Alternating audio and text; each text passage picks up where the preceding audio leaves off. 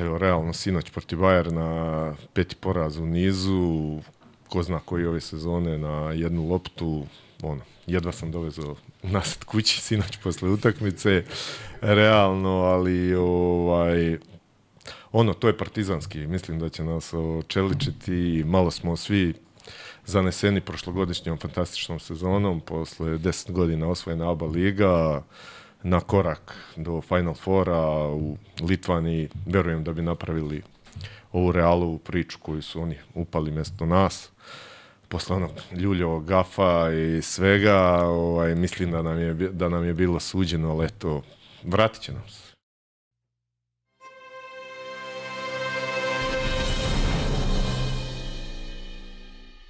Pozdrav svima i dobrodošli u još jedan Ja Mile podcast. Uh, ovako, imamo sad uh, naš sponsor Admiral Bet uh, šalje uh, svakog dana nekog od vas na neka egzotična putovanja. To sve traje do 24. februara. Ko igra kladionicu, treba pogledati neku maksimalu, a sve ostali detalje možete naći u, video, ovaj, u opisu ovog videa. A, ovako da nam pomognete da rastemo, zapratite naš YouTube kanal i imamo izuzetnu čast i zadovoljstvo da se zahvalim svim PayPal donatorima ovaj, i ljudima koji su na prodavnici javamile.com. Hvala vam lepo, a Danas imam čast i zadovoljstvo da ugostim, a, ajde ovako ćemo, predsednika kluba Hercegovac iz Gajdobre i, i, i pa verovatno jednog od Nisam ovaj, imao gosta ovolikog partizanovca do sad, verovatno.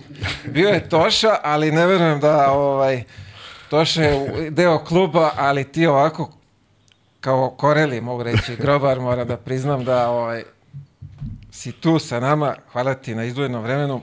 Stojan Dangubić je sa nama, kao što sam rekao, predsednik Hercegovca, kluba koji se plasirao na Kup Srbije. Hvala Mile, hvala na pozivu, čast i zadovoljstvo mi je ovaj, da sam gost u tom podcastu i čast mi je na najavi ovaj, prvi i, dru, i prva i druga verzija. Znam da teško podnosiš sve ove sad a, poraze klubske, pričamo o Partizanu.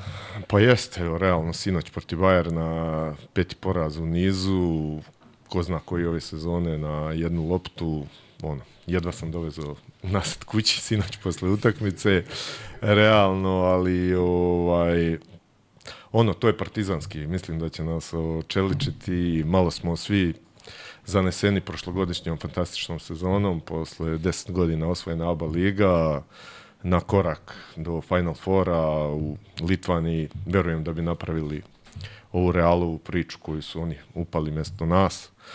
Posle onog ljuljovog gafa i svega, ovaj, mislim da nam je, da nam je bilo suđeno, ali eto, vratit će nam se. Čekaj, a, ako sam ja dobro ispratio, ti si bio u Madridu na toj utakmici? Ja sam bio sam na petoj utakmici, na polovremenu smo... Ovaj, naš... Ne, na petoj, na ovoj drugoj, kad je, kad je Ljuli i ovo Panter. Ne, ne, ne, ne na petoj, na aha, petoj sam bio okay. Lučevića na majstorici. E, na polovremenu na 16 razlike smo onako već e, googlali smeštaj u Litvani i tražili ovaj, e, povoljnosti gde i šta, ali Kažem, vratit će se, vratit će se, verujem u celu priču koju, koju Željko vodi i radi i siguran sam da, da, da, da će ona dugoročno dati rezultate. Mislim da, evo, sinoć kad sam došao kući, kad pomislim da smo pre par uh, sezona bili presrećni da budemo učesnici Evrolige, mislim da prošlogodišnjim izdanjem u Evroligi uh, Partizan je pomerio granice svima, pa i nama navijačima i onda teško prihvatamo uh, kada ne pobedimo u Valenciji, kada ne pobedimo u, u Litvani ili šta je znamo, ne, a realno Evroliga, klubovi, svi preozbiljni budžeti, ozbiljni rosteri, ova sezona možda i nikad jači, jače ekipe i rosteri i cela ta priča. uh, e, bukvalno kad pogledaš 85% utakmica je sve na jednu loptu sa ozbiljnim brojem e, utakmica koje su otišle u produžetak i sve što govori da bukvalno dosta sreće. Mislim da e, veliki faktor je po meni odlazak Lesora prošle godine gde je bio neka kičma, kičma tima i slačionice i odnosa tog nekog i hemije unutar ekipe, ali mislim da, da, da, da, da će se sve posložiti i da korak po korak e, će ići i vratiti se na pravi kolosek. E, pa sad, ovo mi se sviđa što si ti rekao, a, na, veruješ u Željka i, i da je to ovo što on sad radi treba da bude dugoročni neki plan na naredni 5-10 godina. Naravno. Ono, bože zdravlja, koliko zdravlje bude poslužilo, pa da to traje. Ali ovdje kod nas je sve, ako možemo, daj odmah preko noći i kad ti nekom sad kažeš, ej, za 5 godina bit ćemo prvaci, aj, pusti 5 godina, daj sad, ako možemo odmah sad u ovoj sezoni da, da to ometlamo sve. Pa nerealni smo, malo i brzi smo koji u svemu, koji u životu, koji u poslu, to se isto prenosi na košarku. Mislim da svaki onaj čovjek u dvorani na Željko otprilike ulazi na 12 minuta pred početak utakmice i, i taj doživljaj, taj tih dva minuta koje ovacije čovjek dobije, hrane, hrane svakog čovjeka da, da može da prisustuje istorijskim tim momentima, da Željko Bradović, najtrofejniji trener Evrope i sveta vodi, vodi jedan partizan i da su to ti momenti sada kada je on u klubu, da prisustujemo ovaj, tim spektaklima koji su svake druge nedelje, pa čak i svake nedelje, jer ogroman broj navijača prati klub i na gostovanjima i mogu reći da, da, da, da, da su to uspomene neke za, za ceo život. I mi svi treba da budemo ponosni na tu priču, kome ćemo da verujemo ako nećemo Željku i na neki plan i na rade. Sad, mnoge stvari u sportu su nepredvidive, povrede, sudijske odluke, jedan šut, jedna lopta, e, nerezonski potez, odvedu utakmicu na u pogrešnu stranu, što ne mora da znači, verujem da će se ove stvari ovaj e, vratiti kad smo izdržali celu priču Smita, CDVite i toga svega, pa se posle ovaj vraćalo kroz neke utakmice. Verujem da će se i ove stvari vratiti i postaviti stvari, ali po meni to ovo je sve partizanština. Nas nikad nisu privlačile ovaj pobede, titule i cela priča, nego neki, ajde da kažem, crno-beli mazohizam u celoj priči i to je uvek nas malo odlikovalo i razlikovalo od drugih.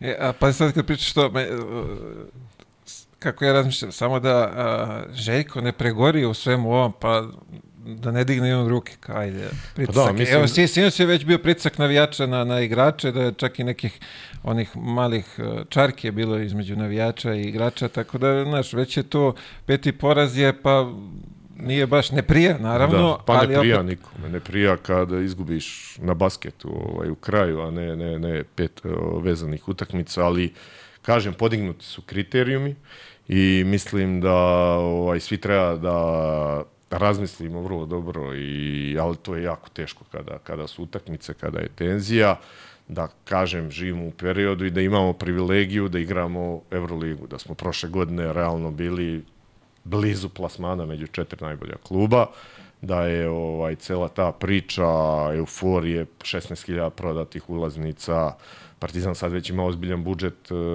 od prihoda od navijača. Prošle godine blizu 600.000 ljudi je gledalo Partizan. Verujem da će se ove godine pomeriti granice, skuplje su i sezonske bile, da će prihodi od ulaznica biti skoro blizu 10 miliona eura, što verujem da nijedan klub ne prihoduje u Evropi i verujem da će navijači kao i uvek biti ta, biti ta podrška koja, koja će dati Partizanu vetar u leđa, pogotovo kada sada, kada klubu ne ide, mislim da, da, da, da treba svi da stanu, stanu iza kluba.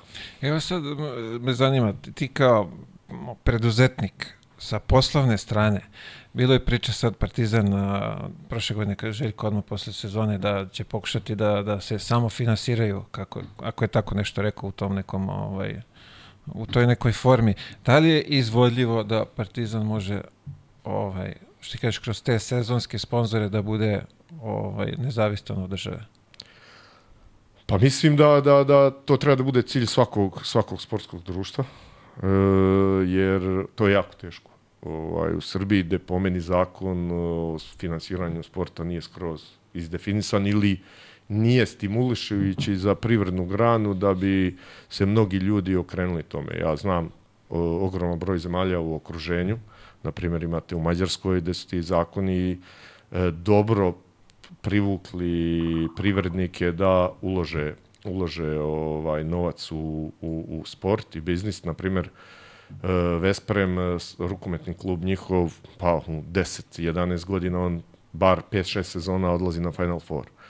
Pričao sam sa određenim ljudima tamo, 150 privrednika, lokalaca ulaže u taj rukometni klub i odvaja, odvaja ta neka sredstva gde je država omogućila da jedan deo poreza na dobit koje imaju firme mogu da potpišeš u reprogram sa državom do 1. marta naredne godine i da 25% od po, obaveznog poreza na dobit mogu da daju prosvetu, mm -hmm, zdravstvo, sport, e, i te, ajde da kažem, grane koje, koje gde nema povrata novca, nego su stvarno humanitarne te stvari. Kazne su ogromne, puta 10 za bilo kakve malverzacije i ostalo, ali jednostavno to je privuklo ljude da podrže neku lokalnu svoju priču i verujem da bi se ogroman broj ljudi partizanovaca javio, kao što se javio i kad je ova akcija bila skupljanja novca, nekog, e, novca za, za porez.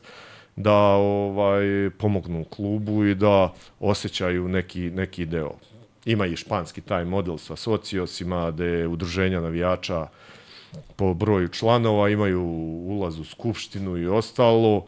Mislim da se kod nas godinama to ne menja i da ovaj, nekako sve na toj nekoj mrtvoj tački i da ogroman broj klubova živi od, od naravno državnih para, od opštinskih budžeta, gradskih i da na takav način se finansiraju. Postoji određen broj klubova, privrednika, evo imamo u prvoj ligi ovaj, već sada Spartak i Subotice, gde je Boban Jarmazović i ljudi oko njega rade neki fantastičan posao sa nekim privatnim kapitalom, ličnim i gde beleže stvarno odlične rezultate i gde okupio oko sebe neki tim ljudi sa, sa, sa bivšim igračima, Papcem, sa doktorom uh, Mićom, Jovanom Sirovinom koji je naš gajdobranina već 25 godina je u košarci u Subotici i ovaj, krenuli su i napravili stvarno respektabilnu priču. Bio sam nedavno gost na ABA 2 turniru kod njih.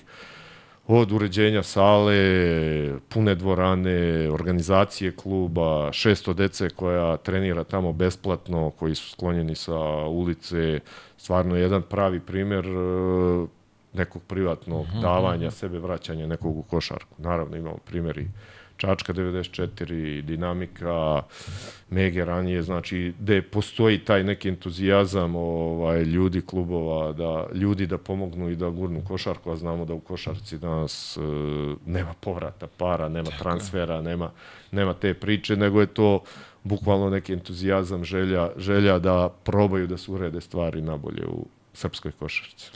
Uh, ja poznavajući taj neki uh, otprilike slično je i u Italiji, ali ako sam dobro informisan, u Italiji ne možeš ove prve lige, nego dole druga, treća košarka i imaš mnogo ovaj, preduzetnika koji daju pare u te Just. klubove i oni se tako održavaju. Just. Mislim da može taj isti ovaj, kako god taj zakon da se donese i ovde. Ako hoće. Naravno, taj zakon o sportu, pitanje da će ikad i da se donese kod nas, pošto je kod nas sve ovako ovaj, na štapu i kanapu, ali bilo bi lepo, meni je isto uh, fantastičan primer uh, Zlatibor. Jeste, fantastično. Ne znam koji broj tačno imaš tih malih preduzeća koji daju neku određenu sumu i tako Jeste, fantastični ljudi koji vode taj klub su uspeli da animiraju celu tu lokalnu zajednicu, da i oni, ja mislim, imaju preko 150 pri, privrednika koji uh, dolaze i pomažu u nekim iznosima. Mnogo je bitno to da, da, da, da se toliki broj ljudi okupi, animira, to znači da lokalnoj zajednici je stalo i oni ljudi prave fantastične stvari. O, sad smo baš bili zajedno na ABA turniru u, u Novom Sadu kad je bio i baš smo razmenjivali iskustva i ta energija njih i ljubav prema klubu dole koji imaju stvarno je dala fantastične rezultate sa dugogodišnjim radom tamo trenera Strajina, stvarno dve godine zaredom i ove godine beleže odlične rezultate i to je ta neka stvarno pozitivna energija i ljudi koja pokreće onda celu tu zajednicu. Ali opet kažem, to je dobra volja svih tih ljudi da pomogne jer su prepoznali u tim vodećim ljudima neku želju, energiju lična davanja i sve i onda je to stvarno fantastična stvar. Ali mislim da bi država morala da nađe neko rešenje da stimuliše ljude da jednostavno deo tog poreza koji svi plaćamo i obavezujući i naravno da treba bude većinski, ali da se manji deo odvoji za sport, e, kulturu, prosvetu, zdravstvo i da jednostavno probaju te te grane koje totalno su neprofitabilne da se da se podignu i da na neki način ožive. Verujem da bi tako ogroman broj ljudi ovaj privukao i da i da bi na neki način i državi bilo onda lakše, jer država sada gasi požare gde god je vruće. Tako je. I, ali na neki način veliki su problemi u manjim sredinama koje su ostavljene na milost i nemilost da. entuzijasti. A pa sad kako ja to gledam? Ok, ti daješ sad uh, velike svote novca Partizanu i Zvezdi. Oni su sposobni sami kroz karte, kroz sponzorstva da obezbede sebi novac. Možda ne ceo budžet, koliko im treba, ali ne moraš toliko da, ali to onda raspodeli po tim manjim opštinama što, što bi dao Partizanu i Zvezdi. Oni su sposobni, veliki su, brendovi su za sebe, da.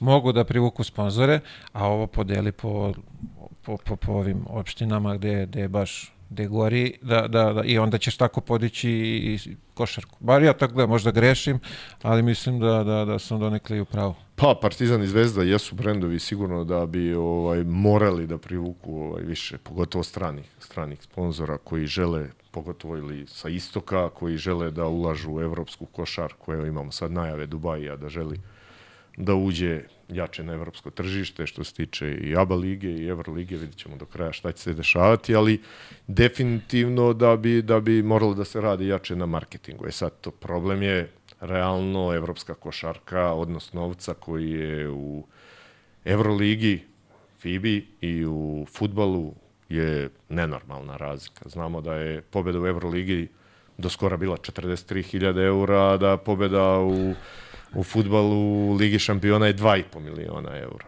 Plus ogromni prihodi da praktično svaki klub koji uđe je 30 miliona eura dobar start. Veći je novac u futbalu, transferi u košarci su svedeni na 10 komada godišnje da se plati neko obeštećenje. Da, da, da. Sećamo se kad je Gos odlazio iz Partizana Olimpijakos Evroligaša, 100.000 dolara je bilo obeštećenje. Znači, Mislim, prošao je taj, bio taj period, bar ja, ono, kad sam od, odlazio iz železnika, to su stvarno plaćali. Da. Plaćali, ono, masno ovaj, obeštećenja za nas i onda je to samo u nekom momentu, posle, ono, možda 2008. kad je bila ona kriza i od tada, ako neko Jeste, tržište je utihnulo, ogroman broj igrača iz Amerike dolazi besplatno, igra u Evropi bez obeštećenja i onda su klubovi praktično okreću lakšem, lakšim rešenjima nekim i ja mislim da godišnje sada ne plati se 10-15 obeštećenja za neke igrače, što je stvarno sramotno. Pa, ali to je kad je košarka pitanje, da je futbol, to bi stvarno bilo drugačije. Košarka je jedna onako rupa bez dna, možeš samo da sipaš sipaš i to ti najbolje znaš, to ćeš nam objasniš ovaj kasnije kako to izgleda. A, reci mi možete da, da gledalcima, da ih uputimo, šta je ono čime se ti sada baviš? Pa kao i prethodne, skoro tri decenije sa ocem i bratom i porodicom Dangubić e, vodimo firmu Alin Connell, e, koja se bavi, evo, 40 godina nam je ove godine, koja se bavi proizvodnjom elektroinstalacijenog materijala. E, u Gajdobri nam je proizvodnja, imamo oko 350 radnika i mogu reći da smo regionalni lideri u proizvodnji prekidača, utičnica, produžnih kablova, svih tih komponenti nekih koje radimo. Samo ime Aling je neka skraćenica, alatnica inženjering Gajdobra, gde se bavimo izradom alata za brizganje plastike. Otac je dve godine, 80. godina bio najbolji alatničar e, stare Jugoslavije odbio državni stan u Majevici i odlučio 84. da otvori privatnu zanatsku radnju gde se bavi izradom alata. Kad smo ja i brat stasali, završili škole, ušli smo u neku serijsku proizvodnju tu elektromaterijala i eto, za, za neke 27-28 godina koliko smo u proizvodnji elektromaterijala smo došli na neki nivo da po nekim parametara, parametrima broja zaposlenih, proizvedenih i prodanih artikala smo najveća firma u istočnoj Evropi. Wow. Tako da, otprilike s nekih blizu 2 miliona proizvoda mesečno ako uzmemo u obzir da u jedan stan ide 50 e, prekidača utičnica, onda možemo vidjeti da su to već neke, neke velike brojke. E, I to je nešto što me zaokuplja, zaokuplja je skoro tri decenije. A, čekaj, fabrika je u Gajdobri, a 350 zaposlenih, Gajdobra ima koliko stanovnika? 2200. Dobar broj. Su svi iz Gajdobre u... Pa dobar, dobar, dobar broj. Pa 80% ljudi je iz Gajdobre, Nove Gajdobre. To su dva mesta, jedna pored drugog, ali ovaj, e, ono uvijek postoje Gajdobra i Nova Gajdobra. E, ovaj ostati, ostali deo radnika dolazi iz Bačke Palanke, opštine koje pripadamo i Novog Sada. I okolnih A, mesta. kad smo već kod uh, Gajdobre, a, negde sam pročitao da su tamo grafiti samo partizan. Jel, je to istina ili... Nisam Pa- bio, nemam... nemam Pa, ovaj- ovaj, Gajdobra je stvarno većinski crno-bela. E, klub i udruženje navijača Partizana je osnovano 78. godine. E, Miodrag Bjelica je bio tada predsjednik udruženja navijača, stric od Nemanje Bjelice, pošto Nemanja Bjelicin otac je poreklom iz Gajdobre, e, kao i Vlade Lučića i otac i majka, oni su iz Nove Gajdobre, što smo ponosni posebno na njih, pored našeg Mička Mirka Milićevića, legendarno koji je baš i poniko igrao u Hercegovcu i napravio fantastičnu karijeru kroz Zvezdu, Cibonu i sedam evropskih zemalja gde je igrao, a pogotovo ostavio vrhunski, vrhunski trag u Turskoj gde je legenda legenda tamo košarki igrao do 42. druge godine. Imali smo priliku sad ovaj, da razgovaramo prošle nedelje, tako da... Da, da, ispratio sam, ispratio Bilo sam. bilo je ovaj, zanimljivo, svakako. Da, Mičko je legendarni i super, super čovek i neko ko je ovaj stvarno onako pravi pravi čovjek za, za tvoje emisije. da, nisam ni ja znao neke detalje, ali ovaj, kako je krenuo da priča, polako sam se ovaj, uhodao. uhodao. pa da. A, a, Euroligu pratiš, a, ovo me sad zanima. Prošle godine ta aj kažemo jedan, ta, ta pobjeda je falila do Final Fora. Ove godine napravljena je dobra ekipa, neštima, Zvezda je isto ovaj, povukla. Nekako opet mislim da Partizan i Zvezda ako su jaki onda nekako rastu zajedno. E, definitivno nikad veće ulaganje u prelaznim rokovima. Mislim da Zvezda i FNP su doveli 17-18 stranaca, ako, ako, ako ne grešim. E, ogroman budžet. E, ogromna ulaganja, možda i natrpano, možda i na silu. Za Partizan znamo objektivne probleme, neke koji su bili praktično dogovoren transfer sa Mirotićem, već usput dogovorena neka dva, tri igrača koja su trebali, trebali da kvalitetno popune roster, Panter i Ledej praktično na celu tu priču sa Mirotovom ostali u klubu da se napravi ozbiljna ekipa i da se pokuša ona, ono nešto o čemu sanja armija partizanovih navijača od 2010. da se ponovi taj Final Four, da se proba peti Final Four da se uzme. E, stvarno svake nedelje spektakli, pune dvorane i sve je to lepo, ali po meni o, ozbiljna ulaganja i ozbiljna, ozbiljna priča. Znamo da malo, ja mislim da svaki klub u Euroligi je praktično gubitaš svake sezone, gledajući, gledajući A, izvini, a, mislim da je Žalgiris nešto, da, da je tu neka Na granici, pozitivna na nula, granici, da, da, i, i da. Bayern, ovo ostalo je sve...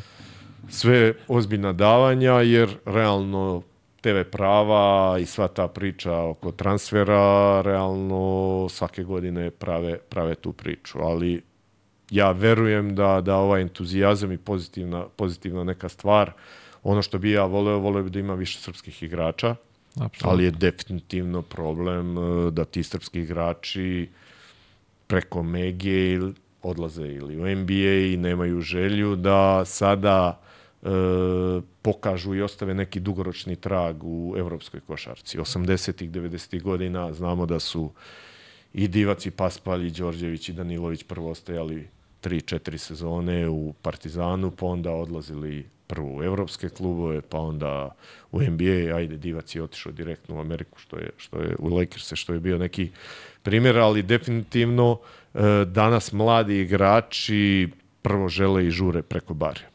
Ogroman problem za srpsku košarku je taj da pa ja znam samo jednu agenciju iz Novog Sada koja je odvela preko 300 dece u high school i na koleđ.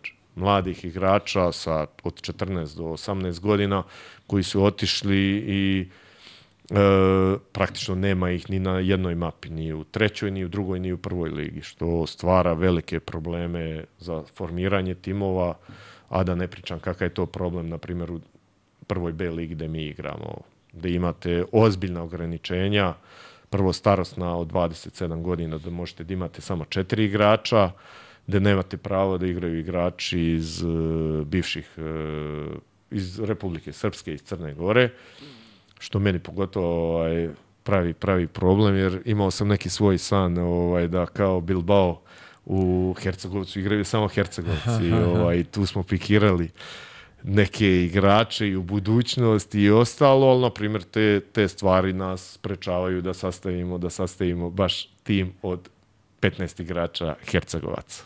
I vi sad opet, kad smo kod toga, to su opet neka pravila. Znači, ovde ako se ja upočem, ti možeš stranca da imaš u juniorima ekipe, či da ga da. dovedeš negde da, iz nekog ono, Afrike, neke Jest. Francuske, odakle god, a sad u ovoj ligi ne možeš da imaš svog čoveka koji sa tvog govornog područja iz bivše, to je sve bila jedna zemlja pre, ne može da, da nastupa u ekipi. Jeste, veliki problem. Mi smo imali problem uh, prošle sezone, gde smo doveli Krstu Bjelicu koji je nastupao za Vojvodinu u drugoj ligi koji je igrao i za Zlatibor kao domaći igrač, koji je ovaj e, svo vreme vođen kao srpski igrač. Ima pasoš, ličnu kartu, žena, deca žive u Novom Sadu. Međutim, on po košarkaškim pravilima se vodi kao crnogorski igrač. Uh mhm, -huh. Mhm. Iskopano je da je 2007. 8. godine kad je otišao u budućnost, Dejan Radonić ga nagovori da odigra četiri utakmice za U18 reprezentaciju Crne Gore. Mi ga registrovali, potpisali ugovor sa njim, odigrali 12 prijateljskih utakmica, pred prvo kolo nas obaveštavaju da on ne može da igra ovaj jer je jer je crnogorski jer je crnogorski ovaj državljanin po iako nema crnogorski pasoš. Wow. Po tim košarkaškim pravilima koji onako baš baš stvaraju probleme e, gledajući tu priču da, što kažeš, u juniorskim, u mlađim kategorijama može da igra stranac, Tako u je. B ligi ne mora da igra stranac. I okej, okay, slažem se da ne moraju da igraju Amerikanci, da ne moraju da igraju igrači iz Afrike, ali ne vidim problem da igraju igrači iz Crne Gore i iz Republike Srpske. Tako je, to je naš čovek, naše govorno područje, bivša Kod, zemlja, sve. Došao sad... ovde, studira u Novom Sadu, u Beogradu i sad ne može da igra B ligu. Mislim da, da mislim da bi trebalo neko u Savezu da se pozabavi tim. Pošto znam da ovaj, slušaju i Saveza, malo obratite pažnju. Mi ovde samo vas usmeravamo kako bi trebalo nešto da se uradi za dobrobit svih. A, može li Partizan da se dočepa sad, nažalost, i play-in je u, u pitanju, ali tako? Pa jest, bit će borba sa, sa Valencijom. Mislim da će odlučivati zadnje kolo protiv Valencije i da, ali verujem da hoće. Mislim da raspored koji ima, teške su sve utakmice, Olimpijakos, Valencija, e, Real, Real vidimo da malo posustaje zbog povreda i zbog svega. Mnogo faktora će zavisiti. Roster, realno Partizan redko koju utakmicu je sastavio u kompletnom timu. Aleksa dolazi iz povrede, još nije dostigao taj nivo forme i sve, ali verujem, verujem da će uspjeti da se plasira u prvih deset ekipa. Uh, nadamo se, ja bih volio da jedni i drugi se plasiraju, pa onda šta urade, da urade, pošto su veliki budžet, ovaj, ogromne pare što bi se reklo, potrošili su, a ono što je bio cilj, nadam se, kažem opet, da će, da će da. uhvatiti taj Pa mislim da će Zvezda voz. teško, mislim da realno propustili su šansu protiv Albe i Liona, tako da realno to su dve poslednje plasirane ekipe i mislim sa ta dva poraza teško mogu uhvatiti među prvi deset. Znaš kako ono, i, i, ti imaš svoje isto ove muke kad, kad, kad gubi Partizan i imamo tamo Zvezda nešto krene kao dobije i onda sledeće bup i onda opet kao dobije pa bup i tako da je to ovaj Ali dobro, ajde. Ostavit ćemo njihove muke njima, nek se oni brinu, mi imamo svojih. ovaj, e, e, vidio sam, da negdje sam izvukao zanimljiv neki ovaj, e, podatak, ti mi reci da li je tačan, da imaš neku specijalnu stolicu tamo na, na, na, za tebe ili sve? Partizan? Da, Ne. na utakmici, ne. Ne, ne, ne. Ne, imam, se- imam sezonsku kupujem već 15-20 godina svoju, imam ekipu svoju iz Novog Sada, iz Gajdobre, koju, s kojom idem na utakmice i to je to. Imali smo neku ovaj, podršku vezano sa kad je bilo za skupljanje para, za poreze i to, ali to je bilo nešto ovaj, za, ne, pro- za jednu utakmicu. Aha, aha, ok, onda je, da. da. A, ovo mi sad zanima, pošto reče Gajdobra, Novi Sad, je li to idete organizovano ili... Pa to je ono dogovor, dogovor stalni, znači ekipe koja ide već preko 20 godina ovaj, na utakmice i koja tu nema šta da zagovaramo, zna se. Igramo, evo sinoć, ovaj, četvrtak, samo zagovaramo kad krećemo. Zna se, kad igra Pa- Partizan, sve se ovaj... Gledam sve da se raščisti da, za taj dan. Redovan si i na putovanjima, bar ono što sam ja uspio da vidim. Pa realno, prošle sezone sam više išao. Sad ove godine smo zbog ovog učešća u kupu imali dosta utakmica sredom i onda ove godine manje idem, ali prošle godine sam bio dosta gostovanja. A, ABA liga, kako ćemo tu? Pa realno odlučivat će u play-off se vidimo da, da, da Partizan Cedevita beleže lošije rezultate, po meni, po meni danak igranja na, na dva fronta.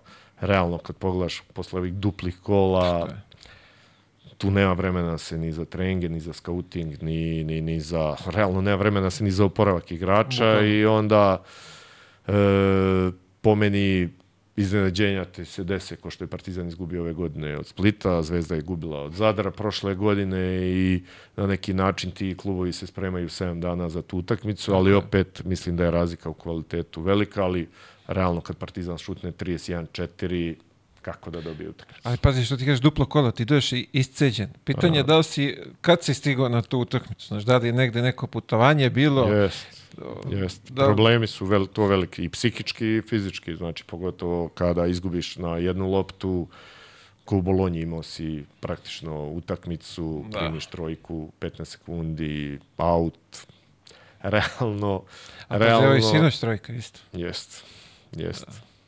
To je baš bolno. Se. bolno. Znam još neke ovaj, koji su isto ovaj, partizanovci, ovaj, za pozdravljam ekipu iz Mionice, prepoznaće se oni koji su. To, je, to su, vidi, ja ne znam kako vi to izdržavate, svaka čast. Ja nisam toliko zagrižan, ja volim to da pratim, ali da se toliko nerviram kao vi, ne, ne ide mi. Ne, ne mogu. Prosto ne mogu. Uh, NBA, pratiš li koliko? Slabo. Slabo. Samo finalnu seriju, realno Ovo ostalo je. uvek ću radije pogledati tri utakmice Evroligaške i ABA nego jednu NBA. Bravo. Uh, Jokić je čudo što pravi tamo. Kako Pa stvarno to? čudo. Stvarno čudo. Čovjek koji, koji igra glavom tamo protiv sve one mase mišića i Protiv toga atletike. svega. Jeste stvarno fascinantno i svaka mu čast e, na koji nivo je doveo svoju, svoju igru i svoje ekipe, da je to stvarno fantastično. Pro, prošle sezone istorijski uspeh i stvarno ono što on radi malo koji evropski igrač će uspjeti da ponovi. Nadam se da će zdravlje da ga posluži, da se priključi, da se priključi ove ovaj, na leto za, za olimpijske igre. Sigurno, Pa, da to, to, to, to bi ozbiljna stvar bila za reprezentaciju i mislim da, da, da, da neke stvari kao što je olimpijada i svetsko prvenstvo da moraju da budu upisane debelim slovima za naše najbolje igrače. A vidjet ćemo, samo da ga zdravlje posluži, pa dogovorit će se on već nekako sa, sa Karijem i sa ekipom kako nadam će, se, kako će dalje. se. Vidimo, stigli smo do ove moje rubrike omiljene odrastanje, pa da vidimo kako je izgledalo tvoje. Pa odrastanje u Gajdebri u sredini gde je košarka stvarno uvijek bila, bila sport broj 1. Klub je osnovan 1978. godine u oktobru e, posle velikog uspeha reprezentacije u Manili. entuzijazam ljudi je stvarno bio tada na vrhuncu i Spaso Komad i Radivoj Pudar i još par entuzijasta su odlučili u biblioteci osnovali košarkaški klub. E, jedna generacija igrača rođenih 50. godina na čelu sa braćom Stojanović, sa braćom e, Zubac, sa braćom Zorić, Rašom Pojužinom, e, Domazetom, Damjancom, e, Banetom Ivezićem, e, Beronjom, Radenkom Kovačom, Okukom Zoranom, celom Mišom Pudarom, znači cela generacija tih nekih igrača koja je rođena je osnovala klub i krenula krenula od neke ovaj da kažem nule gde su odigrali 79. prvu utakmicu u aprilu i pobedili Bački igračac 82-54. Zapamtio sam taj rezultat. E, I to su baš bukvalno bili svi igrači iz Gajdobre. I odrastanje mi je bukvalno bilo da svaki slobodan trenutak sam provodio na tom malom stadionu na Grbavici, kako smo mi zvali, gde smo dolazili ovaj da gledamo te starije kako su igrali, a onda na drugom košu ovaj se priključivali i, i igrali. Mislim, odrastanje je bilo naravno bez računara i bez ovih igračka jedina nam je bila lopta i stripovi tada i mislim da smo imali lepo detinstvo. Ovaj, stvarno pratio se sport, ne samo košarka, nego i futbal i svi sportovi, nešto sva ta de, drugari moji iz detinstva koji su i kumovi su ljudi s kojima se i dan danas družim, s kojima sam igrao u Hercegovcu košarku i danas pratimo Hercegovac, veliki broj njih je i upravi kluba i idemo na sve utakmice praktično zajedno. A, recimo, Hercegovac, kako je dobilo ime? Pa Hercegovac e, je bilo logično ime, pošto su Gajdobro 1945. na... O, došli su ljudi iz Hercegovine i naselili su ljudi svi poreklom iz istočne Hercegovine i bukvalno naše ulice se tako zovu Nevesinska, Mostarska i tako da je to bilo logično. Celo sportsko društvo naše se zove Hercegovac i Gajdobra je uz Klek e, još par sela u Vojvodini, predstavništvo, ajde da kažem, Hercegovine u Vojvodini i u Srbiji i logično je bilo, bilo ime, tako da se Nema da. nekih Ilića tamo kod vas? Ima, da, Ima? ima, ima dosta. Ilića koji su ljubimci, ovaj, i predsjednik i mesne zajednice baš sada ovaj, Ilić i Mića Viš kad bi Ilić. to, da- kad, bi za, začaprkali po onom... Kako Pa našli bi tebi da. po visini sigurno gene. Moj školski Mirko Ilić je ovaj, stvarno bio talenat za sve sportove. Ovaj, bio je završio u Zvezdi u omladincima, ovaj, igrao futbal, ali je bio fantastičan i u košarci, i u rukometu i ima Ilića, baš dosta porodica u Gajdovši. Negdje ono što sam ja i iskopao za, za, za ove moje, da je to bilo neko to, to kako su se ovaj, ono, iš, išli za, za, za hranom, pa su ovaj, iz Hercegovine povukli. Ali mi su stigli, moji su stigli do Majevice, samo nisu ovaj, prebacili ovamo dalje. Pa jeste sigurno. Ja što znam, Ilić su poreklom iz okoline Ljubinja. Tu ih ima. Bravo. Viš, može li tamo, da ima neki rodoslov ovaj, kod vas, u Ilićima, Naćemo da ti, vidimo. naćemo ti, naćemo da, ti. da javit ću ti iskopamo, da vidimo gde smo, da, da, da upoznam familiju. Ovaj, uh, basket, igro si, kako je to Igrao sam, izgledalo? Da. Ja sam prvo počeo da igram futbal. E, baš sa tim Mirkom Ilićem i Goranom Stojakovićem sam bio prebačen u Bačku, jer sam, jer sam bio kao solidan neki futbaler. I onda sam nekoj na, između sedmog i osmog razreda ovaj, porasto 16 cm i pošto sam leti stalno voleo da, ja, da igram basket, primete me braća Stojanović koji su ovaj rukovodili, rukovodili klubom tada i pozovu me da, da se priključim prvom timu odmah. Baš bukvalno ono, pošto Gajdebra zbog neimanja dvorane, mi smo 25 godina od podstanari bili u Bačkoj Palanci u periodu i kad smo beležili stvarno fantastične rezultate i 80-ih, 90-ih godina uvijek smo igrali u Bačkoj Palanci jer Gajdebra nije imala svoju dvoranu. E, 1995. je započeta gradnja e, dvorane. U eri nekih naših najvećih uspeha, E, tadašnje rukovodstvo opštine Ljuba Novaković i Kerte su započeli gradnju, gradnju ovaj dvorane u Gajdobri koja nažalost je pravljena do 2018. godine, 23 godine. Ozbiljan projekat bio. Da, ozbiljan projekat. I, I ovaj, dugo je trajao, ali evo, na sreću završila se i samim tim kad je, kad je hala polo, ponovo otvorena, onda se javila želja za ponovnim, ponovnim osnivanjem kluba. Divno. A, ovo me zanima sad dok si ti ovaj, ovaj basket kad si počeo da treniraš to, maštanje tvoje? Pa ono, mislim da sam bodirogu sanjao preko sto puta. M zemljak, M ovaj, svih tih godina onako uh, idol gledajući, gledajući ga sa stilom igre i sa svim. Maštanja su naravno bila ovaj, vezana, vezana, sećam, hvatam sebe dok sam uh, u sobi sam gledao Partizan uh, i moram naći te papire, negde za svaki sastav sam pisao spisak igrača, ja nisam sutra trebao da kupujem novine, pošto sam svakom u toku igre beležio koliki je broj poena ovaj, da, postigao. Da, Naravno, san mi je bio ovaj, da, da zaigram nekad u Partizanu, ali realno, realno zato su bile male šanse, em sam kasno počeo da igram, em studirao sam i već onako posle, posle završetka studija i vojske, rano sam se penzionisao sa 26 godina i video da realno lovu veću mogu da zaradim, zaradim kroz posao, a košarka je ostala ljubav. E, a molim te samo, ovaj, ko je preneo tu ljubav na tebe za, na, za Partizan? E, pa, otac moj je šio zastavu 1966. polufinale protiv Manchestera. Ogromna zastava ovog leta koji lani s Partizanom Gajdebrani, ovaj, koja je bila preko pola istoka i ovaj naravno porodica Stričevi i ujak i oni su bolesni partizanovci i ovaj baš od malih nogu su me i vodili na utakmice i onako zarazili me zarazili me crno-belo boja. A, sad kad si rekao sad 26, je li tako si ili sa 27, kad si prestao? 26, sa 26, sa 26 da. O, o, me zanima sad, maštaš da igraš u Partizanu, sve to, a donekle vamo i gledaš realnost da to ne može da se desi.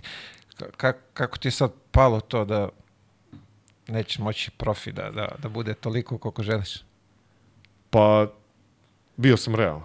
Bio sam realan, shvatio sam ovaj, da bi realno uspeo, moraš sa već 18-19 godina da, podre, da pokažeš određenu klasu i da budeš u pravo mesto na pravo vreme. Ogroman broj igrača, vrhunskih talenata, nažalost nije dobio šansu u pravo vreme i onda realno je bilo da se okrenem nekim stvarima koje, koje su već bilo nasleđe u porodici. Otac je već osnovao, osnovao firmu, trebalo se priključiti i pomoći i realno uh, sam sabrao 2 i 2 i video, video šta mi je realnost. Ali košarka i sad taj period igranja u Hercegovcu mi je bio onako stvarno ispunjen nekom dečačkom radošću i ljubavlju prema košarci, celo društvo, ekipa iz kraja je ono nešto bilo što te vuklo i da ideš svaki dan na treningi i da probaš iz nedelju u nedelju da pobeđuješ i to je nešto ono što je verujem se prenelo i na posao.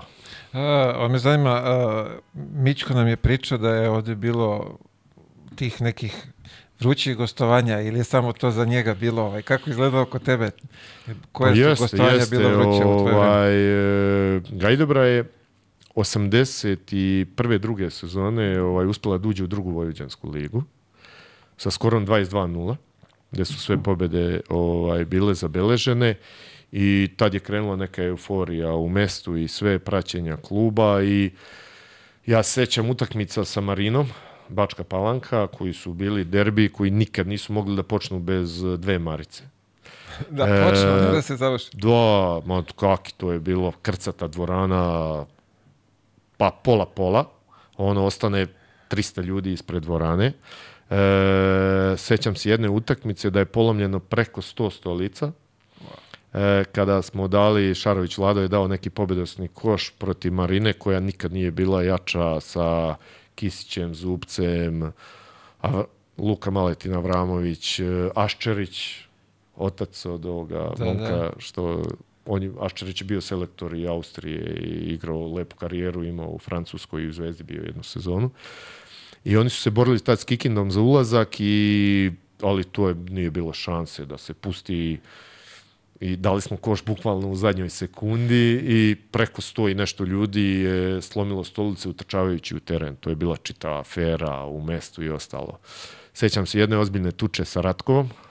Ratko. Da, ovaj, pozdravljam ekipu iz Ratkova i iz Ođaka koja dolazi na svaku našu utakmicu.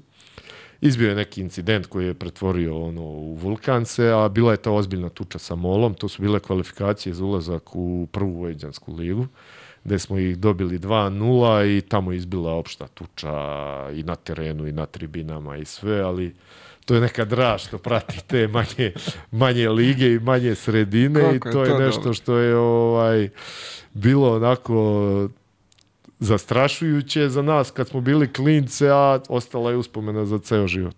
Kako se to pamti, čoveče, da, prepričavaš. Strašno. Svako ima svoj ugleo gledanja. Strašno. Pa bio je baš taj Jovan Sirovina koji je stvarno zabiležio lepu karijeru igrajući u Spartaku, pogotovo bio i u Češkoj i evropskih par zemalja. Sećam se, ja mislim da smo imali 15 godina. Igrao se derbi sa Marinom i bio je, mi smo bili svesni da ili se nećemo skidati ili nećemo biti u 12, bili smo ono klinci i da neć, i bila je ozbiljna organizacija navijača da se putuje i mi smo namerno zakasnili na okupljanje u centru koje je bilo da se ide u Bačku Palanku da bi ostali da idemo s navijačima, da bi ostali na tribinama trener nas je, vidi, urnisao pola godine zbog toga, a realno je bilo da ne igramo ni minuta ili da se i ne skinemo, ali on hteo da budemo deo, a mi smo opet hteli da budemo deo spektakla, ali to su one klinačke, klinačke bolesti sa 15 godina koje, koje moramo svi da preležimo malo. A Boga mi, Mičko, Mičko reče da je bilo neko tabanje, ako sam ga razumeo, Baš u molu. Da li je uleteo u molu, molu. Stric njegov, ne, nešto da... da, da Jeste, Gašo, Gašo da, Milićević. Da su mlatili da, svi, da, ce, da, svi Milićevići. Pa to je opšta, opšta tuča bila, ovaj, ali znam da smo tad odneli pobedu i na tribinama i na terenu. Tako se pričalo ovaj, deceniju posle toga. ali odneli pobedu i na tribinama i na terenu. Dominacija totalna. Totalno. ovaj, reci mi, pored Mićka, ovaj, koga još imamo odatle da je napravio dobru karijeru? Da je poneki da je, u da, našem klubu, da. znači Radomir Kisić je bio vrhunski igrač u Spartaku, dugo godina igrao, nažalost Periso na oba kolena ukrštene. Igrao u periodu stare Jugoslavije i ostavio baš dobar trak tamo u ekipama kad su bili Kuturović, Benčić, mm Jaramazović, Mišković i cela, mislim Finac da ih je tada da ih je mm -hmm. trenirao i baš smo odlazili da gledamo, da gledamo te utakmice u Suboticu i stvarno je bio odličan, ali zbog uh, povrede tih kolena rano je rano je postao trener, možda i na njegovu na njegovu sreću, već 92. godine s 24 godine je postao trener i igrač u Gajdebri. I taj period je ovaj e, posle nekih 10 godina igranja trećeg ranga smo uspeli da se plasiramo u drugu, drugu saveznu ligu gde je 15 igrača iz Gajdobre činilo ekipu. To je borba bila svaki trening ovaj, ko će biti među 12 i u ekipi i ta generacija sa braćom Šarović, Peceljom, Vujadinovićem, Rundićem, Rašom Pojižnom koji je tad igrao sa 41 godinom. Wow je, jedva je odlučio da ode u penziju, to je, to, to je bio takav fanatik i radnik da je to, da je to strašno. Bio je vrhunski strelac igrajući u Marini, mislim da je bio najbolji strelac prve B lige stare Jugoslavije, naš Gajdobranin. Uh, Janjić, Kesić, Goran Dangubić, uh, ja, uh, da ne zaboravim sad još nekoga, ali stvarno ekipa, nas 15 Gajdobrana koja je pakleno trenirala, uh, bili najbolji u ligi, išli smo na kvalifikacije gde smo na Novom Beogradu u Palati sportova, sećam se sudije Jovčića, klinac bio, tek počinjao da se bavi suđenjem, ali tad se već videlo da će, da će postati vrhunski sudija.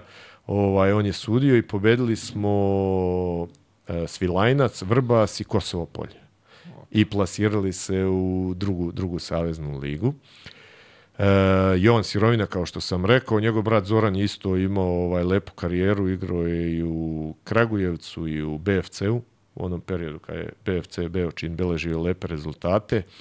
Naš igrač je i Sava Rajković, dugogodišnji igrač, kapiten Vojvodine, Borovice i Bona iz Nikšića, e, vrhunsku karijeru od nas, e, dalje su beležili još par igrača, Boban Bjelica, Slobodan Bjelica, koji je takođe bio u Spartaku, pa posle u Vojvodini Novom Sadu. Momak koga su i budućnost i Zvezda tražili s 20 godina, ali je imao velikih problema s kičmom i neko ko je stvarno bio vrhunski košarkaš, posle i trener i u Spartaku, bio je jednu sezonu trener i kod nas. I tako bilo je dosta igrača koji su koji su igrali igrali za prvoligaške za prvoligaške klubove. Ovo me sad zanima, ti uh, pored svoje firme preuzimaš sad i klub da vodiš. Posle te gradnje koja je trajala 30 godina, koliko da. već trajala ovaj, izgradnja hale, uh, kako je došlo do te, do te ideje?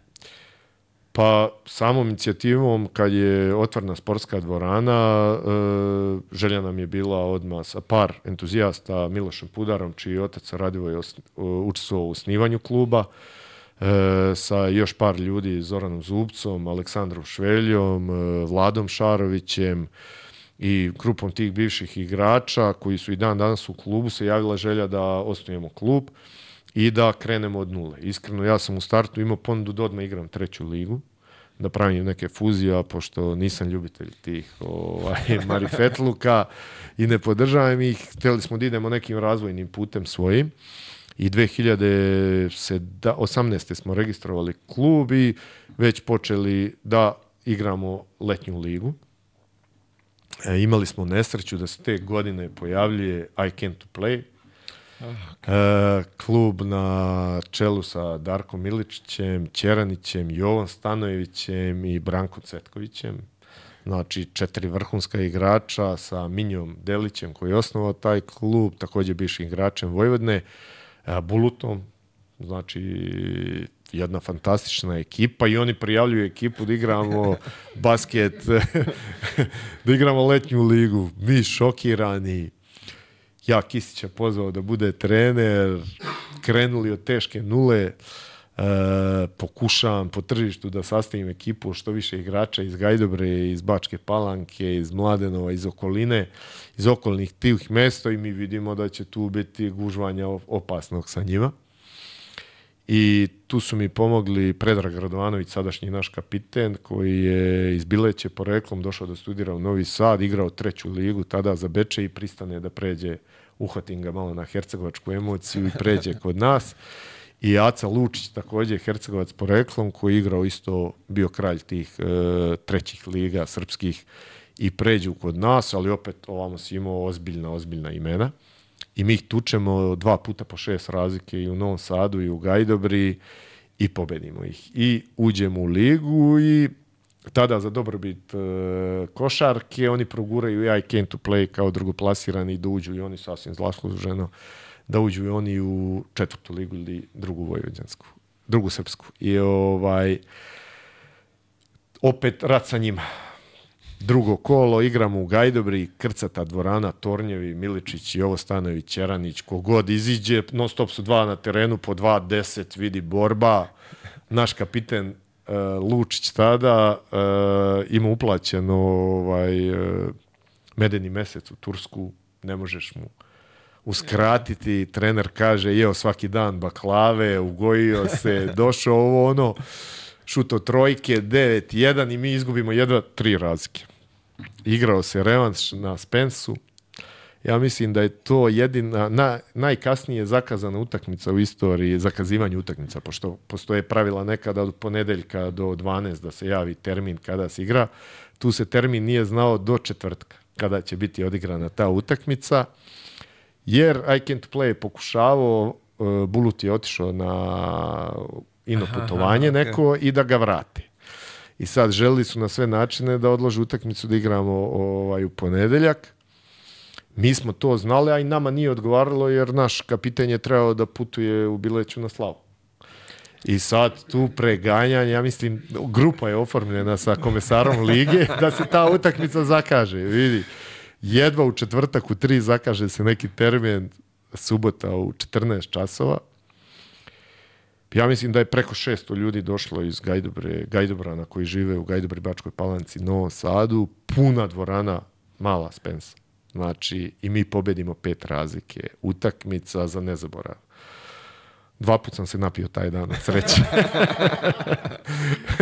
o, ovaj, to je stvarno bilo za nezaborav i cela ta generacija i bilo dosta mladih igrača tada koji su igrali i, i sin moj je tada igrao i onako baš, baš puno emocija, lokalni svi igrači, o, ovamo vrhunski igrači, reprezentativci, Branko Cvetković igrao i na Evropskom prvenstvu 2003. godine. Dobro, ali treba naglasiti bivši. Bivši, I jesu, to, ali, ali, ali, da jesu, igra, ali... ali vidi, vrhunski kvalitet i tada video s njima i bukvalno smo ih hvatali na, na fizičku spremu i na to na da trčanje. probamo da, na trčanje da, da dobijemo Kisa je dobro to tad znao da posloži i ovaj i dobijemo oni nas tri u Gajdobri, to nam jedini poraz u Gajdobri bio za tri godine.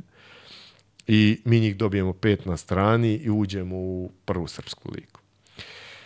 I tu krene neko formiranje tima i vrati nam se još jedan Gajdobrani Pantić i počnemo sa formiranjem tima i ukaže se šansa nekim kontaktima mojim, dođemo do Stefana Stojačića, Strahinje Stojačića i Marka Brankovića. Znači, da ih nagovorimo da dođu. I odemo mi na prvi sastanak, ja i Kisa sa njima, Kisić i Kisa inače ovako trener starog kola, gomeljskih škola, voli disciplinu, voli rad i odbrana, trčanje i to je njegov stil i, i takav je i to mu je donelo rezultate u njegovoj karijeri i nije, nije odstupao od toga. Kad smo bili četvrta liga, ja mu kažem Kiso, smanji malo kriterijuma, realno igrači. Pitanje je da li mogu da skapiraju taj nivo koji, koji on primenjivao dok je vodio ekipe u prvoj ligi ovaj, Jugoslavije i BiH. Pošto je on ostavio lep trag i u Leotaru, tamo je radio preko aha, pet aha. sezona. I ovaj, cela priča je bila da sad probamo da ga na, da nagovorimo ove da dođe. Ovi znaju kako se radi kod kise. Strahinja kaže, može, doćemo, ali da ne bude kiso ono kao što si tero Kuriđu da nosi klupu i trči 200 krugova oko terena i ostalo.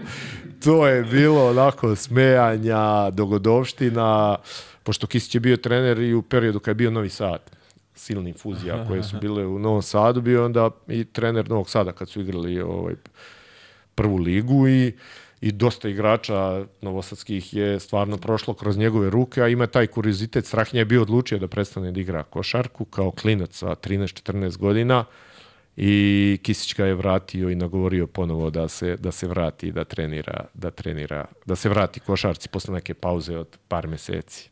Opa, pa bravo. I sa Čekaj, njima su pristali, al tako? Jesu, pristali su i sa njima, to je korona godina.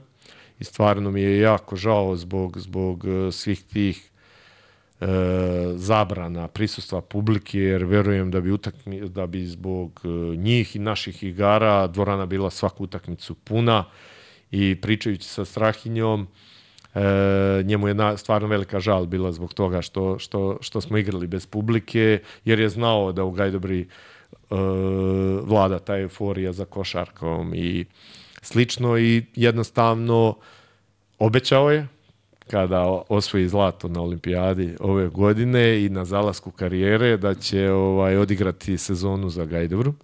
Znači, pred punom dvoranom imamo neki dogovor i Vasić mi je to obećao, takođe je prvak sveta na 3 na 3. Jeste bilo ozbiljno pijanstvo jedno, ali, ali vidi, papiri su se tražili da se overe. Oni ni ne znaju da nisu potpisali, ali ja njima kažem da su potpisali već. Potpisano je sve kući, ovaj, yes. čeka u Fiat. Jest. Vidi, bilo je ovde njih još koji su u kafani potpisivali ugovore, tako da su, to kod nas prolazi. Inače, znaš i sam, svi poslovi se završavaju u kafani. Realno. To je srpski... Ovako sednemo, dogovori se, ali onda posle u kafanu detaljno. Srpski da se... način dogovora, tako uvek je, važeći. Tako je. Znači imamo ekipu, samo još ovo leto zlato da uzmu i to je to. Realno. Ovo su sve posvajali, fali im još olimpijada i da dođu i, bož zdravlje, bićete KLS. Pa, Sa njima? Sa, pa ne, vi se plasirate, oni dođu u Kolosal. Sa tako? njima napadamo ABA. Čuli ste. Čuli ste. Je, vidi, prođe, ovo, znači, korona, ovo je četvrta godina od korone, je li tako? Da. Vi dogurašte do Kupa Srbije. Pa jeste, sa, sa njima smo ušli u prvu B ligu, u drugu ligu, e, što je stvarno fantastičan rezultat bio i u toj sezoni. Oni su igrali sa nama e, i beležimo u prvom delu sezone 7-0 skor. Sve pobede. Pobeđivanje na strani, znači u Nišu, u Aleksincu, u e, Arilju, znači stvarno smo fantastično igrali. Oni sedaju u decembru sa mnom i kažu stole, mi moramo da se spremamo, sledeće godine imamo evropsko i svetsko prvenstvo, nama je to cilj, moramo da se posvetimo tome, treniramo tri put dnevno, ja ih stvarno shvatam, nisam verovao da će odmah u prvoj godini da beleže takve fantastične rezultate, ali oni su stvarno jedna fantastična grupa ljudi i cela ta ekipa i sa trenerom Žderom i sa njihovim kondicionim trenerima, fizima, jedan skup fantastičnih ljudi i nije slučajno da beleže take rezultate i kroz ekipe koje se takmiče i kroz reprezentativne nastupe i stvarno im želim sve najlepše na olimpijadi. Aha, pazi, ako to, oni su pet godina za redom prvaci Evrope. Da. Ako sam, ako sam dobro povato. Pa jeste, vidi majstor, ja ne znam koliko, 5-6 puta bio prvak sveta, u, ajde, on je ranije imao nastupe sa Savićem, sa Bulutom, Da, da, da. sa, sa Kojićem, sa svim tim igračima, ali stvarno to su fantastični rezultati, ozbiljne pare su ušle u basket 3 na 3, kad pogledate, oni provedu godišnje preko 100 dana u avionu, ozbiljan broj turnira, ozbiljan broj putovanja, ozbiljan je to i napor i njihovo davanje, ali Bogu hvala, vraćaju im se ti rezultati kroz neke finansijske stvari. Verujem da će, da će ovaj, i u narednom periodu beležiti odlične rezultate. Uh, ako sam ja dobro ukapirao, malte ne svaki vikend ima negde ne, neki dalje challenge, da li je Masters. Kako, ako, Pa jeste, oni baš ne učestvuju na svim tim challenge-ima jer su prvo plasirani. tako je, da, imaju dovoljno bodova, da, pa ne moraju dovoljno svugde se bodova, ne moraju, ali oni svakih dva dana putuju i to su ono, od Azije do Latinske Amerike putovanja, Evropa kad im je, to im je premija. To je kao kući smo. Da, kući smo. Ne, ne idemo daleko. Lagano.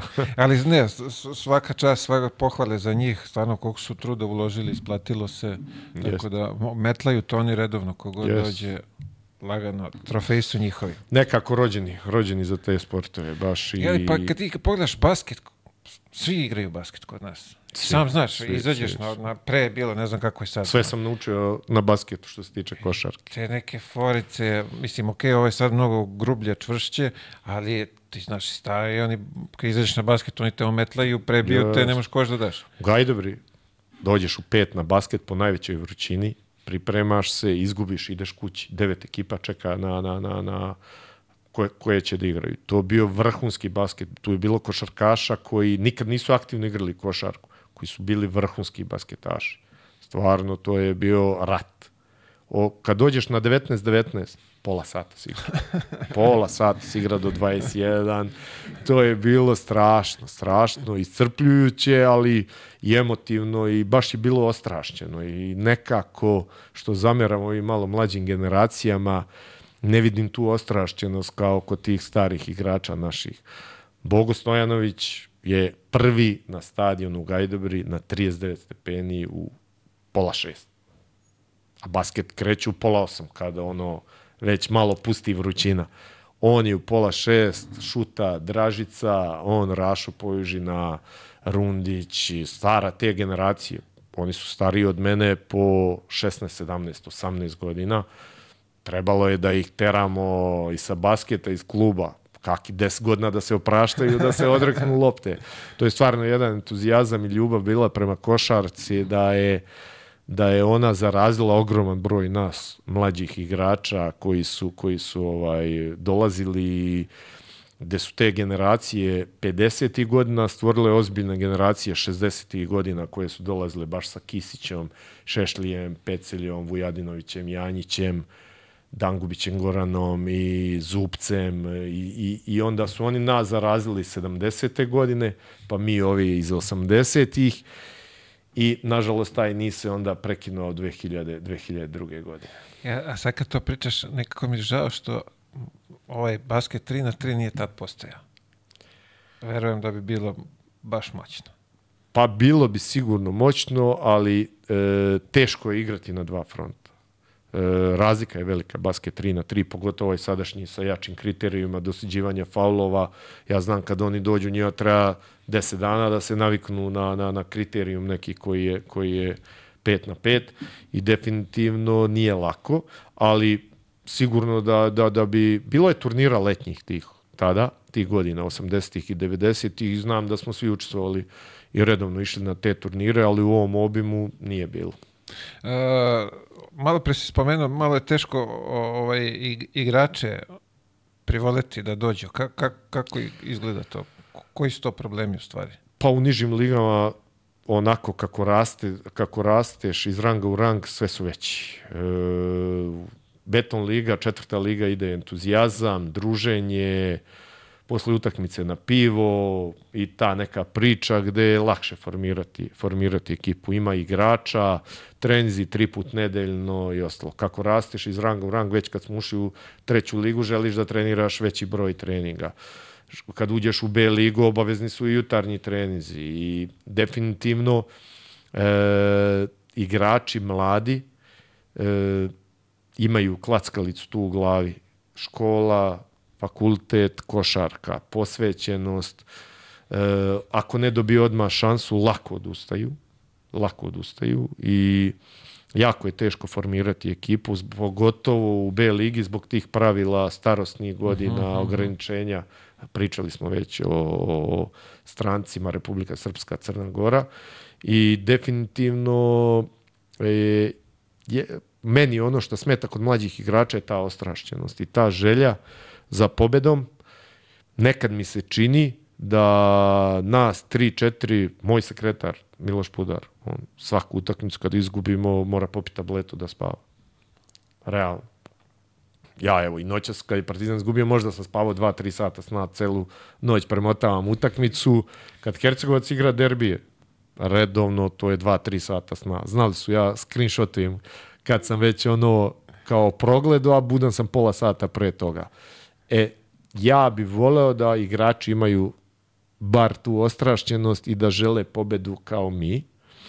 E, sve više takih igrača imamo u timu i mogu reći da ova ekipa ljudi igrača je kliknula i polako, polako ovaj, pravi rezultat. Malo plaćamo danak igranja na dva fronta, izgubili smo dve utakmice od nove godine bukvalno na jednu loptu u Smedrevskoj palanci vodimo tri razlike, 7 sekundi do kraja imamo loptu i timeout.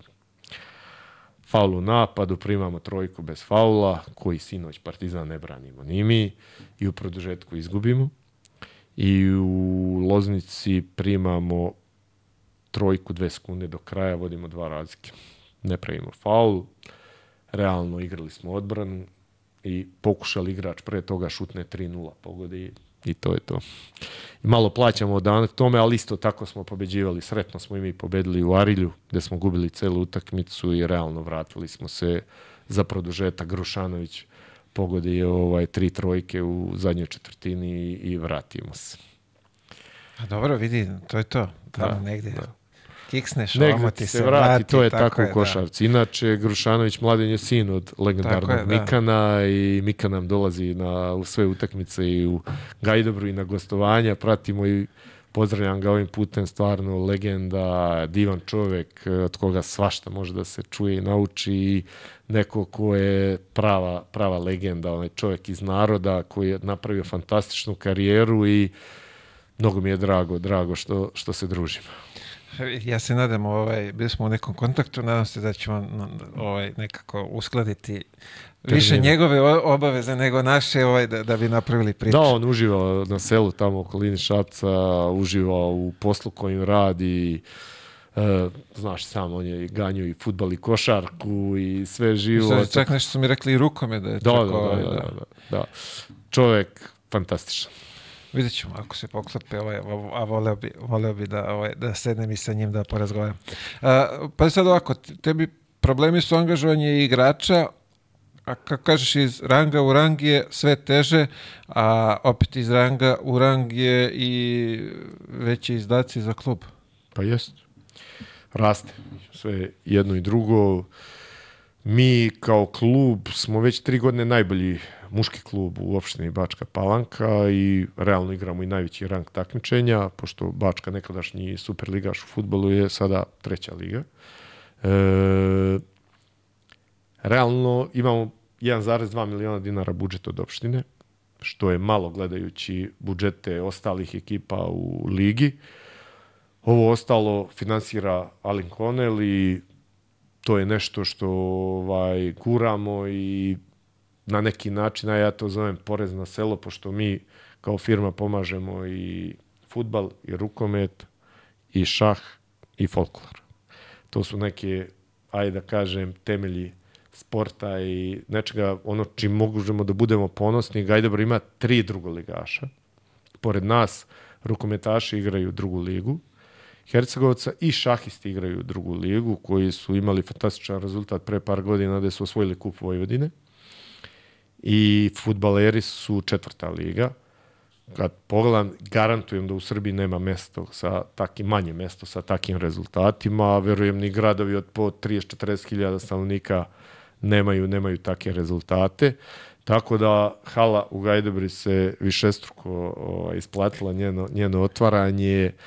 Mi imamo 60 dece koja trenira u mlađim kategorijama u godištima 2008, 2010, 2012 i to je nešto na što smo ponosni i šta ćemo gledati da što više proširimo, da okupimo što više dece iz opštine Bačke Palanke, jer nama sad deca dolazi iz Maglića, iz Silbaša, iz Despotova, iz Obrovca, iz Bačke Palanke, iz Čelareva, tako da ćemo se truditi da postanemo centar košarke za, za i mlađe kategorije u tom delu, jer sve su to kolonistička mesta sa dobrom genetikom i mm -hmm. verujem da će se pojaviti neki novi Milićević ovaj, uskoro. Uh, ovo me sad zanima, pored tebe, uh, ti kao sponsor i finansijer kluba, ima još neki preduzetnik da, da, da je ovaj, prepoznat tu tvoju angažovanost da, da pomogne? Pa ima par ljudi koji su se javljali tako sa jednokratnim pomoćima, gde su želeli DDOR ajde da kažem neko koga, koga nosimo malo i na dresima, koji nam pomogne ovaj, tu u klubu. Javljalo se par privrednika tu iz Gajdobrije, Vasko Ivković koji voli sport, evo sada bilo mi posebno drago, javio se Pero Zubac kad smo osvojili kup Srbije proti Čačka i ovaj, zvao me i ka, u euforiji to je, pošalji mi broj žiro računa i čovjek uplatio iznos ono sam dobrovoljno se javio, što je stvarno za svaku pohvalu momak koji živi u Novom Sadu, a dugo, dugo nije u Gajdobri i verujem da će, da će tako rezultati malo kluba privući još više ljudi da, da, da pomognu rad, pogotovo u mlađim kategorijama. E, budžeti u prvoj B ligi postaju sve veći i tu imamo broj određen klubova gde je ušao ovaj privatni kapital i ima Zemun odličnu ekipu, Smederevska palanka, uh, Proleter ima odličnu ekipu, radnički sa Slađanom Stojkovićem, sa Boltom trenerom, beleži odlične rezultate, imaju samo dva poraza, od toga jedan u Gajdobri. Ovaj, A vi ste im naneli poraz? Jesmo, jesmo, baš bila, bila odlična utakmica, dobili smo ih šest razlike, puna dvorana, onako baš, baš vruć teren. Izgubili su još u Pirotu koji je uvek, uvek teško gostovanje i koji, teška liga, teška liga, verujte, ogroman broj putovanja, imate u Surdulicu, imate Vladičin Han, imate Pirot, imate Smedrevsku palanku, pre je bio Aleksinac i Niš, pazite, dva ozbiljna centra, košarkaška, da, da. Aleksinac dugo godina igrao prvu ligu, sada oni igraju treću ligu, imate Arilje, uvek vruć teren, Čačak žele, na strani dobiti je uvek, uvek muka u dvorani legendarnoj kraj Morave.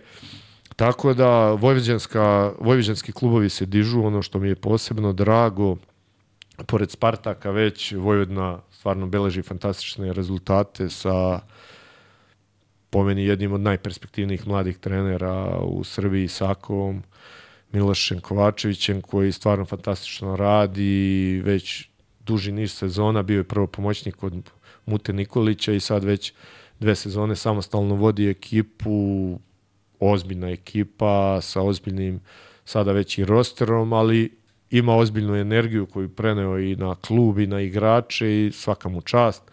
Joker, klub iz Sombora, koji gura porodica Jokić, stvarno isto odlični rezultati, ozbiljna ulaganja i u infrastrukturu i tribine, slačionice, teren, ekipa i svaka im čast tamo uz par entuzijasta, braću Stojkov koji isto su tamo vredni, rade već decenijama, svaka im čast stvarno beleže. I drago mi je da se Gajdobra svrstala na tu listu vojvođanskih klubova gde je prepoznat neki naš rad, entuzijazam, zna se da je plata kod nas do trećeg u mesecu redovna, ne postoje od kad sam ja u klubu ovih šest sezona, igrač da nije isplaćen, da se kasni za bilo kakve stvari, trudimo se.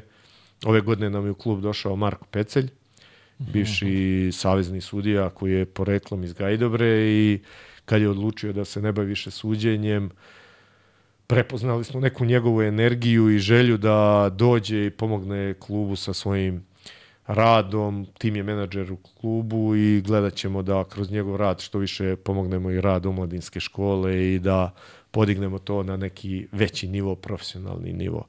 I drago mi je što se takvi ljudi javljaju, koji su pogotovo poreklom Gajdobrani, a on je, na primjer, sudija 25 godina koji je bio, koji ima ogroman broj kontakata, evo sad baš nekim njegovim kontaktima, bili su nam dragi gosti ljudi sa Zlatibora u Novom Sadu, bili su i kod mene u fabrici i obišli firmu i stvarno i ti ljudi su divni kad pogledaš neki entuzijazam, oni dalje šire tu neku pozitivnu energiju i ljubav prema košarci zarazno na, na, na, tako na, je, na, na, na, sve nas. Što je, što je veoma dobro. Uh, spominješ firmu, zanima me da uporediš poslovanje kluba i firme. Kako to izgleda? Pa u firmi postoje, mi smo velika firma s 350 radnika koje gde postoje jasna pravila i procedure, ISO standard i sve ostalo. U košarci je po meni dosta to teže, nepredvidivo. E, mo, postoje neka određena pravila, imamo pravilnik u klubu i kako se išlo iz lige u ligu, e, ta pravila su sve postajala ozbiljnija, čvršća i trudimo se da podižemo to na, na što veći i profesionalni nivo. E, rukovodđenje klubom nije lako jer sve ne zavisi od tebe. Raspoloženje se naravno menja kad pobediš ili kad izgubiš i jednostavno to nekako, svi smo previše emotivni, jako teško preživljavamo poraze u prve tri sezone mi smo imali neki skor 82-3 odnos pobjeda i poraza. Raču, računao sam i prvenstvene i prijateljske utakmice. Nekako naviku se da pobeđuješ. I kad si otišao u drugu ligu, ono, tvrda gostovanja, tvrdo vraćaš se iz Surdulice, sećam se 7-0 smo imali, došli tamo decembar, hladno, toplija napolje. ali ti ljudi se bore tamo isto divni ljudi koji koji rade ovaj godinama i rade lavski posao za košarku tamo na jugu Srbije i pobede nas. Ovaj na mislim na produžetak neki da dva razlike i produžetak sve Strahinja je čak promašio neka bacanja. Ovaj dobiju nas e, vraćaš se 500 km, 300 km svi ćutimo u kolima pa onda preživljavanje tamo na utakmice, tamo to ćeš doći kući da spavaš, da se ohladiš, opet preživljavanje utakmice i sve. I ovaj, svi emotivno to nekako doživljavamo i trebalo se naučiti da gubiš. Ono, zašto ne gledam NBA? Zato što im je svejedno da li pobede ili izgube oni, sutra dan je nova utakmica, mi ovde pričamo o pobedi pet minuta, poraze preživljavamo ono 10 dana i jedva čekaš da dođe sledeća utakmica da to preklopi nekako i emocijama i, i, i, i, i pozitivnim rezultatom, da možeš da se okreneš pozitivnim temama, ali mislim da te emocije najviše utiču uh, na rukovodenje kluba. Trudim se da postavim što profesionalnije uslove, da što kvalitetnije uslove omogućimo trenerima za rad i to su neki akcena da struka, e, gde sam se ja trudio i probaću što više da mi treneri uvek imaju kontinuitet. Kisić je praktično četiri sezone bio jedan olimpijski ciklus u klubu. Posle toga je bio Slobodan Bjelica, koji nažalost se zadržao pola sezone. Posle njega je došao Miloš Luburić, zanimljivo sva tri prva treninga, trenera s poreklom iz Gajdobre. ovaj, koji je uspešno završio tu sezonu, gde smo završili treći ovaj, u drugoligaškom karavanu. Ispred nas su bili Radnički Kragujevac i Džoker, a u prvoj sezoni su u ligu ušli Čačak 94 i Spartak, koji su stvarno Spartak ubedljivo, koji je koji su imali odlične ekipe, ozbiljne budžete i ozbiljno pogođen tim igrača, pogotovo Sparta koji njima je okosnica i posle toga u KLS-u bila ekipa i Prlja, Barna, Sokolović, Danilović i stvarno su, su ono pogodili i mi smo u drugoj godini kad su ušli Kragujevac i Džoker bili treći. Praktično jednu pobedu smo bili iza Džokera, gde smo izgubili prvo kolo od njih kući, baš sluđeni čitavom tom pričom oko Krste i Bjelice i sve, ali eto, ajde da kažem, te četiri ekipe su i putogaz kako, kako treba da se i radi, i pravila da se postave i trudit ćemo se što pre da dostignemo taj njihov nivo. A, kup je ispred nas, mi ćemo igrati u četvrtak, ali tako? Četvrtak. Bravo, emitujemo u, u, u sredu veče razgovor, tako da će to taman doći o, o, Da odjekne. Tako je, pred kup, da, da im zapretite, što bi se rekao. Da. pa onako stvarno ja ne znam, meni je baterija kad smo izvukli Partizan se potrošila za sat vremena. Znači, to je, to je, to je bila ludnica. Dobio sam preko 500 poruka za dva sata. Mi putujemo u Novi Sad na izlačenje i Pecelj i Pudar i trener i razmišljamo glasno koga bi volili. E, i kapiten Radvanović, čak s dvoje kola smo išli ovaj, na izvlačenje ekspedicija. Delegacija. Da, i ovaj, razmišljamo glasno i dan pre toga, pa ajde da izvučemo borac, Megu, da oni odigraju loše, a da mi odigramo 200%, pa imamo šansu neku da srnemo sa njima. Ja pričam isto nešto, komentarišem, a u glavi mi samo da izvučemo Partizan. Ono, izvučeš Partizan, to se nikad neće zaboraviti. Zvanična utakmica s Partizanom. Ja sam igrao 8. marta 95. utakmicu protiv Partizana prijateljsku u Bačkoj Palanci, puna dvorana 8. mart, bacali smo karamfile u, na tribine, sećam se. Ovaj, mislim, Bora Đaković da je bio trener, da je to ekipa posle sezone kad je Željko otišao sa Berićem, eh, pokojnim Brkićem, eh, Drobnjak, e, Bulatović, e, Rebrača da je bio još tada stvarno fantastična ekipa i sećam se da sam dao ovaj tri ili četiri trojke i da sam, da sam solidno odigrao. Onako, a kad sam šutao, čini mi se da nisam ni koš video od, od ruku Berić i Brkić da su me čuvali. I ja njih i ono uspomena za ceo život i kad god pomislim na tu utakmicu, ono, naježim se, a mogu misliti sad kakve će emocije da budu i meni i svima u klubu i svim ljudima iz Gajdobre i iz opštine Bačka Palanka. I sad kad je bilo izlačenje, ono, kuglice, ja sam bio ubeđen da će da bude Partizan. I ono, njih sto mi je reklo je namešteno. Šta je namešteno? Jesi normalan dva reprezentativca, Avramović i Davidovac izvlačili kuglice i sve. I onako stvarno nešto šokirajuće u prvom momentu i onda talas pozitivnih emocija da Hercegovac iz Gajdobre učestvuje na turniru pored četiri beogradske ekipe, dve iz Čačka, jedna iz Novog Sada i dolazimo mi kao osmi iz Gajdobre mesta od 2000 i nešto stanovnika.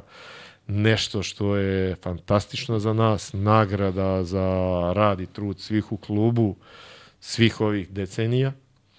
I mislim da je to utakmica koja će se pamtiti 100 godina, što sam već izjavio i ubeđen sam u to.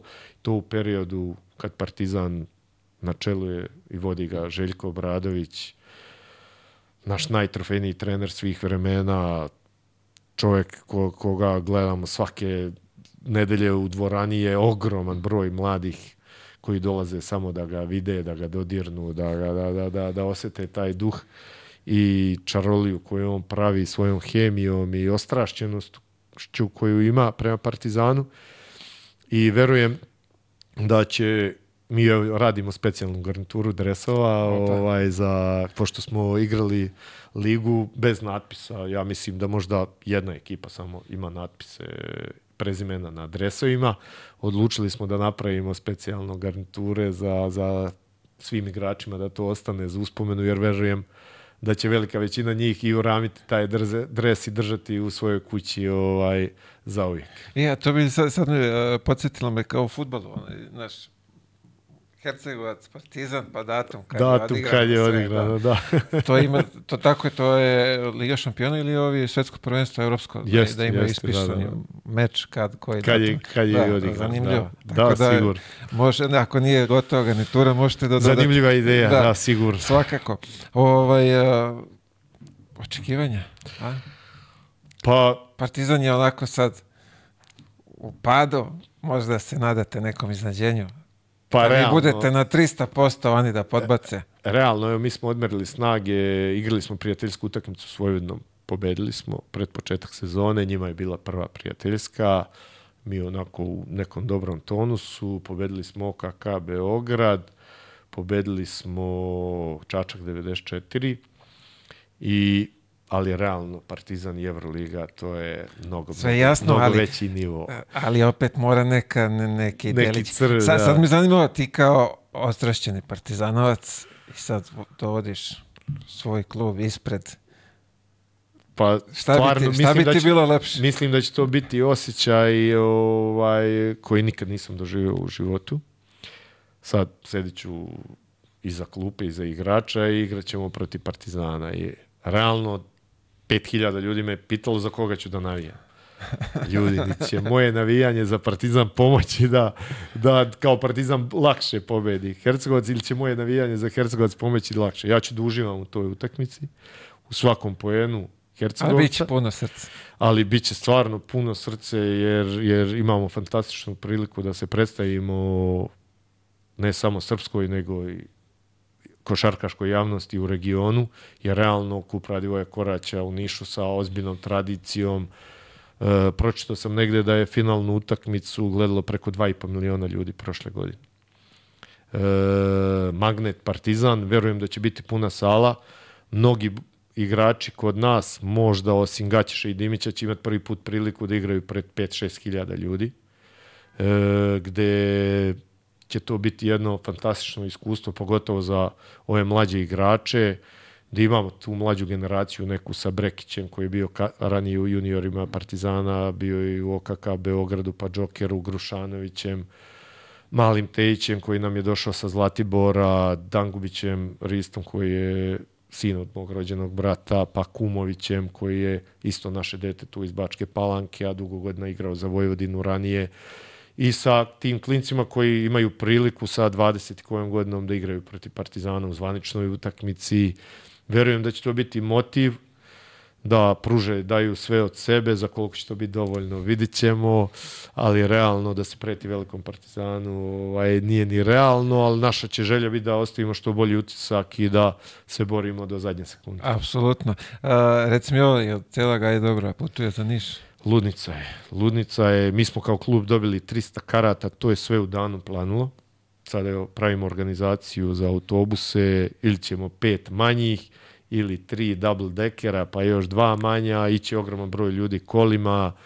Stvarno je veliko interesovanje, fantastično je pogodilo se da je to na sretenje, državni praznik, neradni dani i verujem da će onako biti uspomena za, za, za sve ljude kogod bude prisutovao i gledao tu utakmicu na televiziji, da će biti uspomena 300 za ceo karata, samo 300 karata. smo mi kao klub dobili. Sad, određen broj naših navijača se isnašao, mi smo kao klub dobili 300 karata i Partizan 300. Ovo sve je pušteno A, u ovo se prodaju. prodaje, aha, Ovo je pušteno u prodaju preko Ticket RS. Karte, koliko čujem, su sve planule bukvalno za, za par sati. Paketi su prodavani gde karte nisu ni bile jeftine oko 5000 dinara, ali čujem da je, da je sve rasprodato i drago mi je da ćemo igrati pred punom dvoranom. Bravo, divno, divno. Vidi, stvarno sad razmišljam. Uh, ajde, okej, tvoja situacija je onako spe- specifična. Ovaj, navijaš za Partizan, voliš ga i dovodiš sad svoju ekipu da igra protiv Partizana. Da. Da. Ima li šta lepše? Pa mislim da neću spavati dan, dva pre utakmice i, I dan, dan, posle utakmice, ali oporavit ćemo se. A, vidi, ja stvarno lepo, le, lepo ovaj, događaj i način da se ispromoviše i Gajdobra i, i sve. Jest, Tako jest. da, Pa ono, ima baš uh, anegdota, dosta sećam se perioda kad sam bio igrač, uh, volim Partizan i pratio sam i futbol i košarku i sećam se, igrali smo neku utakmicu kući protiv Vrbasa i baš Bogo Stojanović je bio trener i upozorio me da nemoj slučajno da odem da gledam Partizan futbol taj dan jer igra u Novom Sadu. Znao je koliko sam, koliko volim. Ma ja mu kažem, ma dobro, opuštena utakmica je u sedam, neću, gledat ću na TV-u, kući do pet i stižem. Naravno, ja zapalim za utakmicu i to nagovorim kuma Šarovića Vladu da ide sa mnom, i, a on zvezdaš. I mi odemo na utakmicu i sad skup u dvorani u Palanci je bio u šest, mi dolazimo 15 do šest. Vozili kao ludi iz Novog Sada, gužva da stignemo. Stižemo, trener nas čeka, kaže, momci, kažnjeni ste ovaj mesec, ode plata cela. Mi zašto došli smo 15 minuta ranije? Bili ste na utakmici, a to je neka 94. ja mislim. Nema mobilnik, nema slika, nema, ne može ništa da sazna. Mi kažemo mu nismo, gledali smo te. Ne, bili ste na utakmici, zna vas 100%, kažnjeni ste, čao, slikajte se. Mi, ono, sretni, ja sretan partizan pobedio, ode cela plata, nema veze, ali šta da radi. a, a, vidio, reci mi, može li ga je dobro u viši rang sad? Koliko je ostalo kola do kraja tome pozadnje? Pa ostalo je još 11 kola. Uf, pa ima tu... Ima još dosta lepo. da se igra. Mislim da imamo dobar raspored. Imamo teška gostovanja Pirotu i BKK Radničkom. Dočekujemo Zemun kući. Znam ceo, svih pet ekipa napamet raspored. Smederevska palanka ima 4-5 teških gostovanja. Dva ekipama koje se bore za opstanak. Imaju i Zemunu.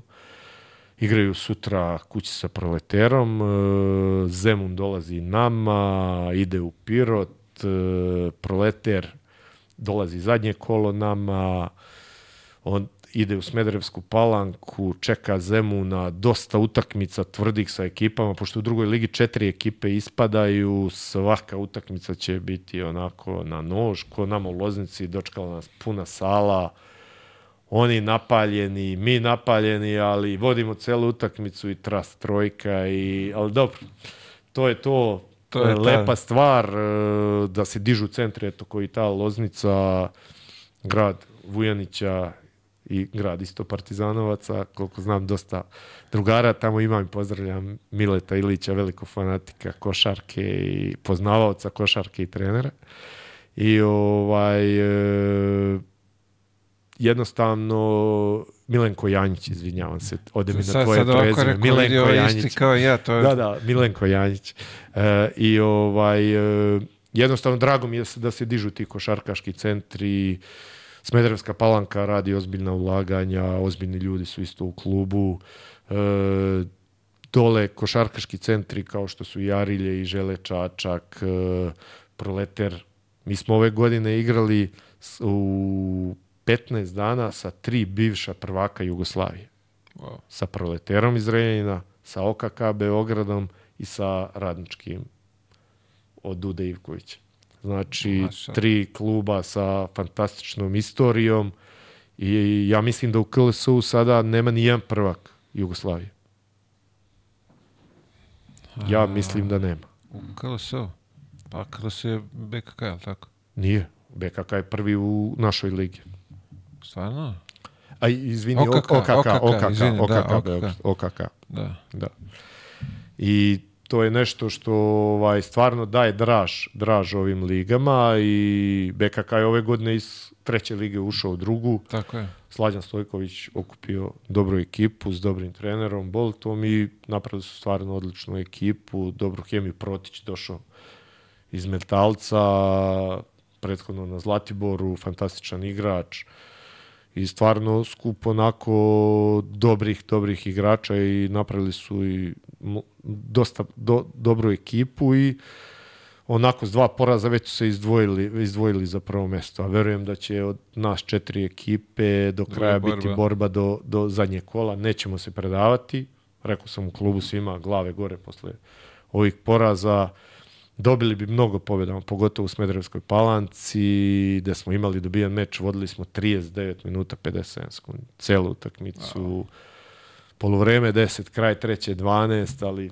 to je košarka i jednostavno nema nazad, vratit će se negde i to je to, ali definitivno druga, prva B liga, druga liga teška za igranje, teška za, za gledanje. Tu malo isto imam predlog neki savezu, generalno sudije koje sude tu ligu su stvarno dobri momci, mladi momci, svake godine njih pet ode u KLS iz treće i četvrte lige dolaze mlađe sudije koje sude tu ligu, e, dosta vruće atmosfere, dobro iskustvo za njih, ali moj predlog bi bio da derbije i važne utakmice sude sudije sa KLS.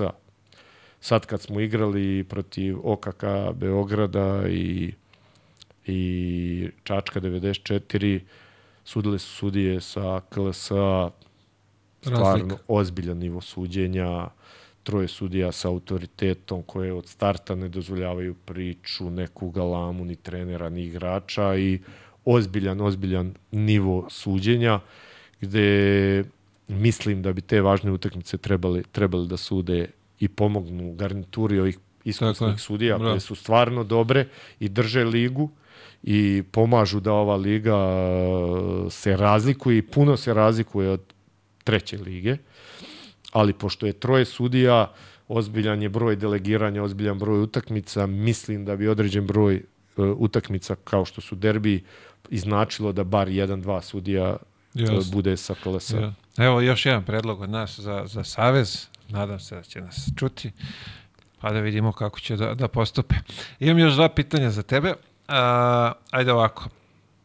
A, ajde mi prvo savjet za, za mlade mlade igrače, mlade o, o, generaciju koja dolazi? Pa moraju da vole košarku, moraju da budu ostrašćeni i zaljubljeni u to što vole i da rade i da veruju. Uspeh nikad ne dolazi preko noći, ni u poslu, ni u biznisu, ni u košarci, znači po meni talent je 20%. 80% je rad i moraju da imaju dozu sreće. Da bude u pravo vreme na pravo mesto.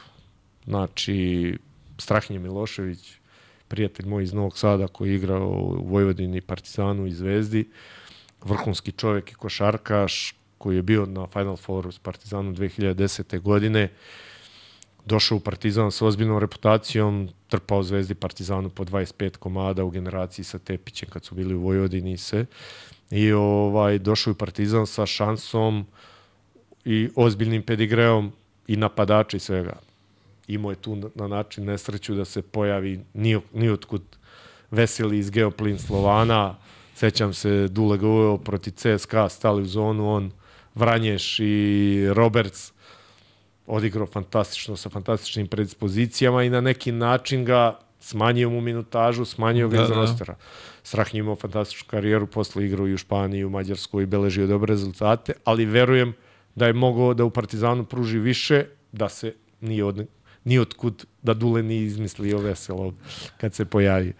Tako da mora biti ta doza sreće da budeš u pravo vreme na pravom mestu, da nikad ne odustaju, da veruju u ono i siguran sam šta god, kakav god rezultat napravili, da košarka im je već dala puno. Samim krugom prijatelja i dobrih ljudi koje je stvorila oko sebe, ubeđen sam da košarci igraju i rade ljudi koji su posebno kova, koji verujem i od mene da su nap, napravili čoveka sa nekim, da su uticali na neke moje pozitivne i dobre osobine ovaj, koje, koje nadam se da imam i da su napravili prvi i drugi krug prijatelja nekog mo koji su stvarno svi iz kruga košarke i sporta i da su to, evo, Sava Rajković koji, koji je i bio i saigrač i koji sada radi u Vojvodini, isto je jedan primer pravog fantastičnog čovjeka u sportu koji, koji je ceo život svoj posvetio i košarci i posle toga kao kvalitetan klubski radnik i deo kluba koji je tamo je me, moja privilegija da poznajem i družim se sa takim čovekom koji ima sve karakteristike pravog druga, pravog sportiste, odlika poštenja i morala, ono, maks. Uh, složit ću se s tobom da su košarci ljudi posebno ko ovaj, to u, u To sam ubeđen. Uh, I za kraj imam najteže pitanje do sad. Daj mi petorku uh, po, po, po tvom izboru petorku igrača iz Gajdobre. Svih vremena. Wow. Pa definitivno na pleju Bogo Stojanović zato što je dao klubu jako puno kao igrač i trener. To je jedini play koga u životu sam vidio prozove akciju Keca da desno, baci pas levo iza leđa. Iako je tu Pavke, drugar iz Novog Sada, ostavio stvarno dubok trak i bio obožavan od navijača i od svih, ali Bogo definitivno na Kecu. Petica Mičko, iako nije proveo puno ovaj, igračkog staža u Gajdebri, ali njegov CV je stvarno, stvarno fantastičan. Mičko Milićević. Ko Mičko Milićević, da. E, pozicija četiri Kisić. Mada je on mogao da igra sve od 1 do 5, kako je glavu za košarku imao i ruku i telo, mogao je da igra sve pozicije. Pozicija 3 Rašo Pojužna, čovjek sa neobjašnjivim šutem, koji je bio fantastičan strelac, paralelno kad je uzme sa strane stable, to je bilo 100-100. Znao je da stane na bacanja 100-100 da šutne. Ono ko wow. Jordan žmureći. Wow. Stvarno fantastičan rođeni strelac. Imao je ruku 50% veću dlan nego ja. Znači, lopta samo malo blizu njega je, on je imao 193-4, a bio je najbolji skakač ekipe. I pozicija broj 2 Strahinja Stojačić. Svi kažu da je on moj ljubimac. Iako tu stvarno bilo ovaj dosta dosta dobrih dobrih ovaj igrača. Strahinju ovako izdvajam volim njegov karakter, volim njegovu ličnost i ovaj njega čovjek ne može da ne voli. Popularni brk. Popularni brk, da. Stojene, hvala ti mnogo na izdvojenom vremenu. Nadam se da ti je bilo ovaj, prijatno. Naravno. Bila je ova košarkaška jedna kafanska priča. Ovo je mali poklon od nas za tebe. Hvala Mile. A, ja sam doneo dres, taj e, doneo sam je, da, ti da, ovaj... Imali su prilike svi da jednu vide. majicu lepu, Hercegovaca da imaš, da nosiš, pa nadam se. To ćemo sad da iskoristimo za slikanje. Može sad da se uslikamo kako se zove. Ovaj, želim ti puno sreće, što poslovno, što privatno i u, na kupu, što bi se rekla, nek pobedi bolje. Nek pobedi bolje, slažem se. Hvala tebi, Mile, i čestitke sve za, na onome što radiš i kako promovišeš košarku. Evo sad ćemo imati prilike da ispromovišemo i Hercegovac. Nadam se da će ljudi ovaj prepoznati tvoj trud i svih vas u klubu i nadam se da će neko iz obližnjih tih opština vaših da ovaj da prepozna ovo sve što radite i da doturi neki dinar.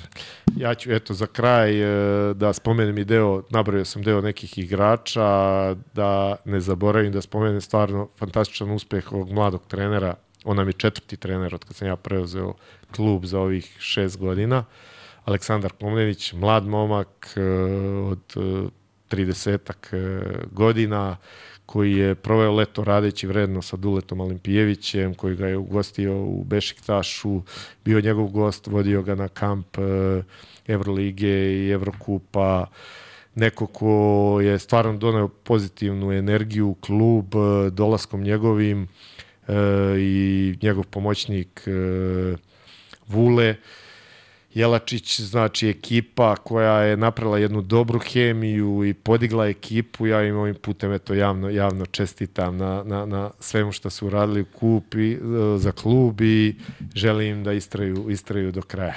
Evo, čestitke i, čestitke i uz mene. A, želimo vam još jednom svu sreću na kupu, svako dobro.